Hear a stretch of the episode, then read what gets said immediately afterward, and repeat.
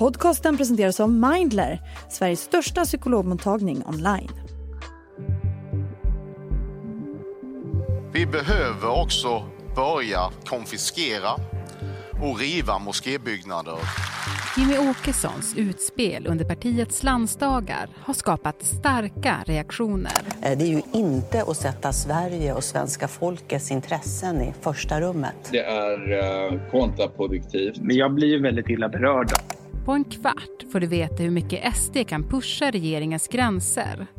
Om det finns någon röd linje för samarbetet. Det är den 28 november det här är Dagens Story från Svenska Dagbladet med mig, Alexandra Karlsson. Gäst idag, Erik Hedtjärn, politikchef på SvD. Du Erik, du kom ju inrusande här. Ja, precis. Det är bråda dagar. Och du har ju lite blivit lite så stammis i podden nu. Mm. Jag tror att det har varit, eh, det är tredje gången på några veckor. Du, i helgen så hade ju SD landsdagar. Och du är ju då chef för politikredaktionen här och den som planerar arbetet. Eh, alltså vad hade ni snackat om i din grupp? Skulle bli de stora grejerna på landsdagarna? Ja, men det brukar alltid vara så att det är massa förslag som ska tas på landsdagar och i det här fallet skulle man ta ett nytt principprogram till exempel. Där fanns det en del intressanta saker. Det fanns förslag om Svexit till exempel från uh, ungdomsförbundet. Mm, lämna EU. Exakt. Det fanns lite så perifera förslag om, att, om klimatpolitiken som var att man skulle ta bort eller göra upp med klimatpolitikens överdrifter. Lite smått och gott.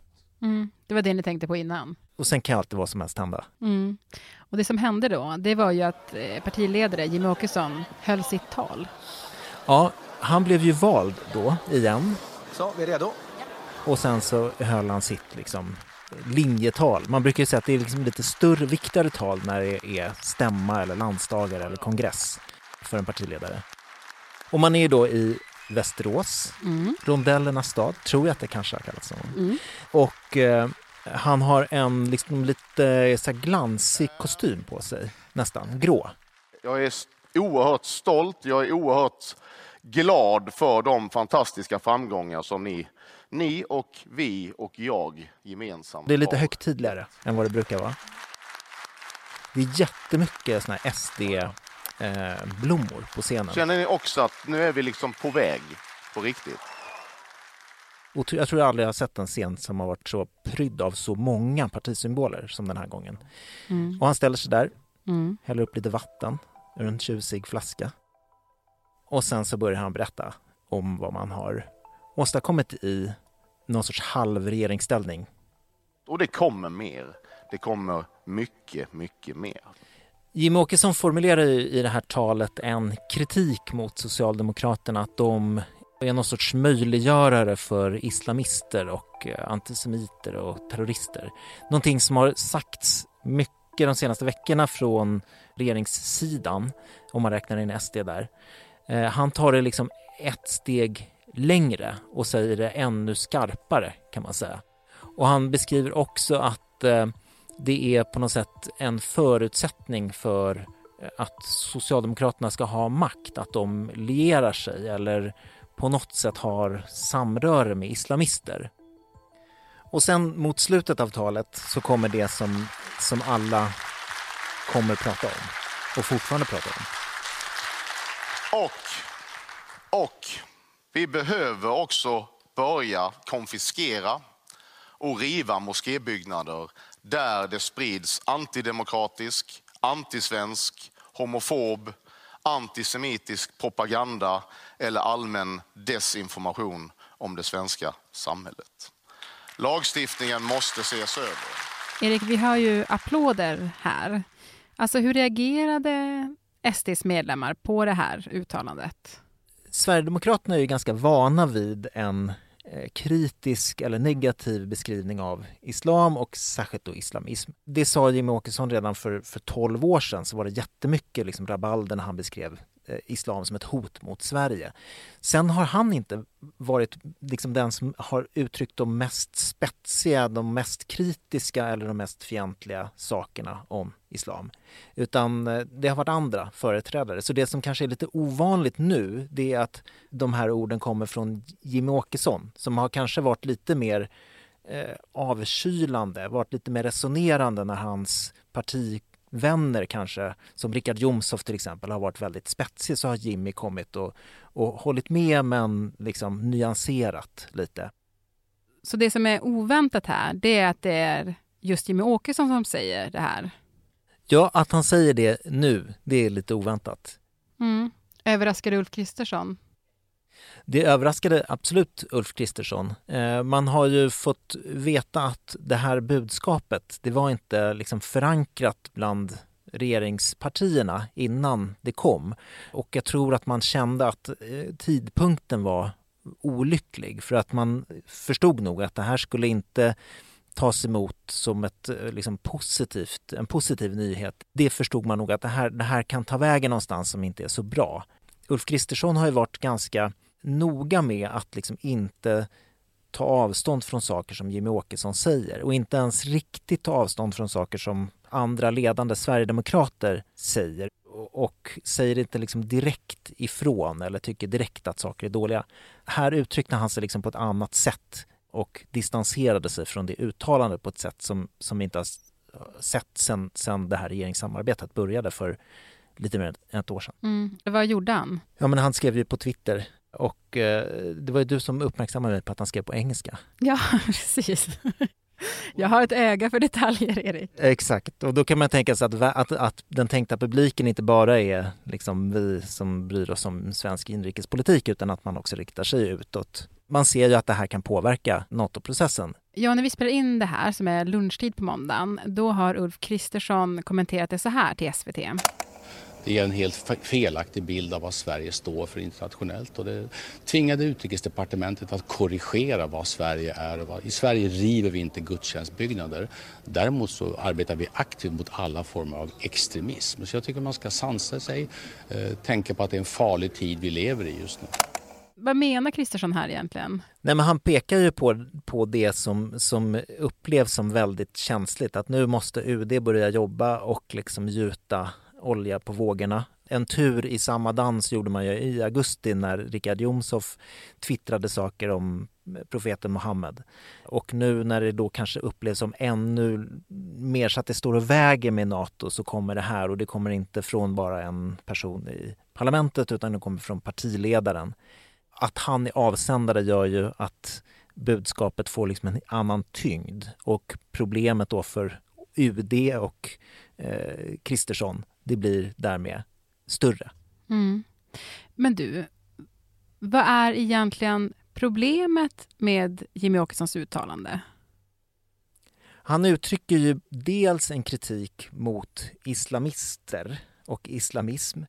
Och sen så är det någon sorts glidning här. Han också tycker att man inte ska ha, se muslimska symboler i gatubilden, alltså en frihet från religion. Och det är ju oklart vad han är kritisk mot, om det är liksom islamism eller om det är muslimer i allmänhet. Om man är kritisk mot muslimer i allmänhet, då närmar man sig det här med religionsfriheten som ju är en av de eh, fundamenten som finns i en liberal demokrati. Och där blir det alltid känsligt om man, om man är inne och, och vill ha förslag som liksom utmanar den. Så det är väl det ena. Liksom. Och det andra det är ju den här timingfrågan. Att det här budskapet kommer nu och vilka liksom, konsekvenserna kan bli för NATO-processen. Det är då väl de två polerna i den här, de här problemen som man ser just mm. nu. Ja, men eh, Jimmy Åkesson då? Jag menar, han är ju med och styr Sverige på ett sätt, han är med i regeringssamarbetet. Han vet att det är mycket som står på spel för Sverige. Varför gör Åkesson så här just nu? På ett sätt så kan man ju se att när SD har, har drivit eh, sin politik så har de andra följt efter. Det har ju varit en dynamik vi har sett i flera år. De beskriver det själva nu på de här eh, landsdagarna som att liksom, de är tåget och alla andra åker med. Det som vi har sett på den här hösten är att många har liksom eh, anammat en retorik som ligger lite närmare SD. Man har pratat mer om svenska värderingar. Om man inte kan ställa upp i den här svenska konsensusen så ska man fundera på om man ska vara här. Det Åkesson gör är att han tar liksom ett steg längre. Eh, när de andra partierna kommer och liknar SD, då visar han att han är ännu bättre på att vara SD än någon annan. Han visar vem som är originalet helt enkelt. Verkligen. Vem tjänar på det här utspelet då? Ja, men först så tror jag att Sverigedemokraterna, de har ju hittills tjänat på det här regeringssamarbetet som ju har upplevts flera gånger som att Sverigedemokraterna får mer makt. Det som är deras agenda blir också eh, i bredare mening en, en agenda för politiken och för, för regeringen. De liksom bytte, eh, de fick mycket politik tillbaka för det här regeringssamarbetet. Och de har hela tiden växt också sen regeringssamarbetet började. Och de har inte liksom straffats i opinionen när, när ja men som vi har pratat om tidigare, Richard Jomshof twittrar saker om, om eh, Mohammed som blir väldigt uppmärksammade och kritiserade. Då blir resultatet inte att SD krymper utan de växer. Så att man kan tänka sig att, att eh, resultatet blir ungefär samma nu, att de kommer fortsätta växa. Men du, Erik, hur påverkas regeringssamarbetet då? Ja, men det är väl den andra sidan av det här myntet. Att i takt med att SD växer så har ju hittills liksom regeringspartierna krympt. Och möjligen så är det så att de som stått lite i mitten och tyckt att SD inte är attraktiva men de har tänkt att, att eh, Moderaterna ska kunna tygla SD, de blir nog mindre benägna att tro att den strategin ska funka. För man kan säga att i Moderaterna så har det funnits en, en idé om att genom ett samarbete så ska SD bli mindre radikala. Att de ska liksom fostras in i någon sorts mer pragmatisk eh, hållning som man har sett genom historien. Massa exempel på radikala partier som har kommit in i parlament, fått makt och sen blivit mer ja, men pragmatiska reformpartier. Hittills så ser det ju inte riktigt ut som att Sverigedemokraterna har gått den vägen. Och nu så är det nästan så att de rör sig åt andra hållet, att de liksom inte blir mer pragmatiska utan kanske mer radikala, i alla fall i retoriken. Mm. Så den här liksom sanningen eller löftet eller förhoppningen som eh, har funnits i stora delar av borgerligheten och som han har liksom kommunicerat ut till sina väljare, den är lite i gungning nu tror jag, bland många. Mm. Men till sist, Erik, finns det någon röd linje för det här tidssamarbetet? Jag tror att när man tittar på politik så här som, och pratar om det som vi gör, då blir man ganska fokuserad på vad, vad, vad politiker säger. Jag tror att det är svårt att se att det, det finns en röd linje i ett uttalande. Där eh, det finns liksom linjer, det är i förhandlingar om sakpolitik. Och där finns det ganska många såna här obesvarade röda linjer som man har liksom tryckt framför sig som ligger i utredningar och som kommer komma ett år, två år fram i tiden. Liberalerna till exempel, vad tycker de om eh, anmälningsplikten? Är det en röd linje? Ja, men det beror på hur den formuleras i, av den här utredningen. Mm. Eller eh, om man säger den här eh, med ett klandervärt leverne, det som från början hette Vandel. Vandel, exakt. Underbart med gamla ord, tycker mm. jag då. Mm, det kan jag tänka mig. Men vad betyder det? Där kanske det i liksom sakpolitiken, i policy, faktiskt finns röda linjer. Mm. Så vi får vänta och se tills alla de här utredningarna blir färdiga förslag. Politiken är väldigt bra på att liksom lösa ut konflikter, att slippa eh, regeringskriser. Eh, det är man ju duktig på. Man är duktig på att stå på pressträffar och säga så här, jag har fått allt det jag ville ha. Det kan alla säga och så eh, förstår man ju någonstans att alla har inte fått det de vill. Någon fick ge sig, men det vill man inte riktigt säga. Framtiden får utvisa om det finns några röda linjer här. Så, så är det. Men, men politiken har ju visat hittills att man, man kan ju gå över eller sudda ut eller byta färg på de där röda linjerna så att de blir gröna då eller något. Mm. Och det är därför politik är så spännande.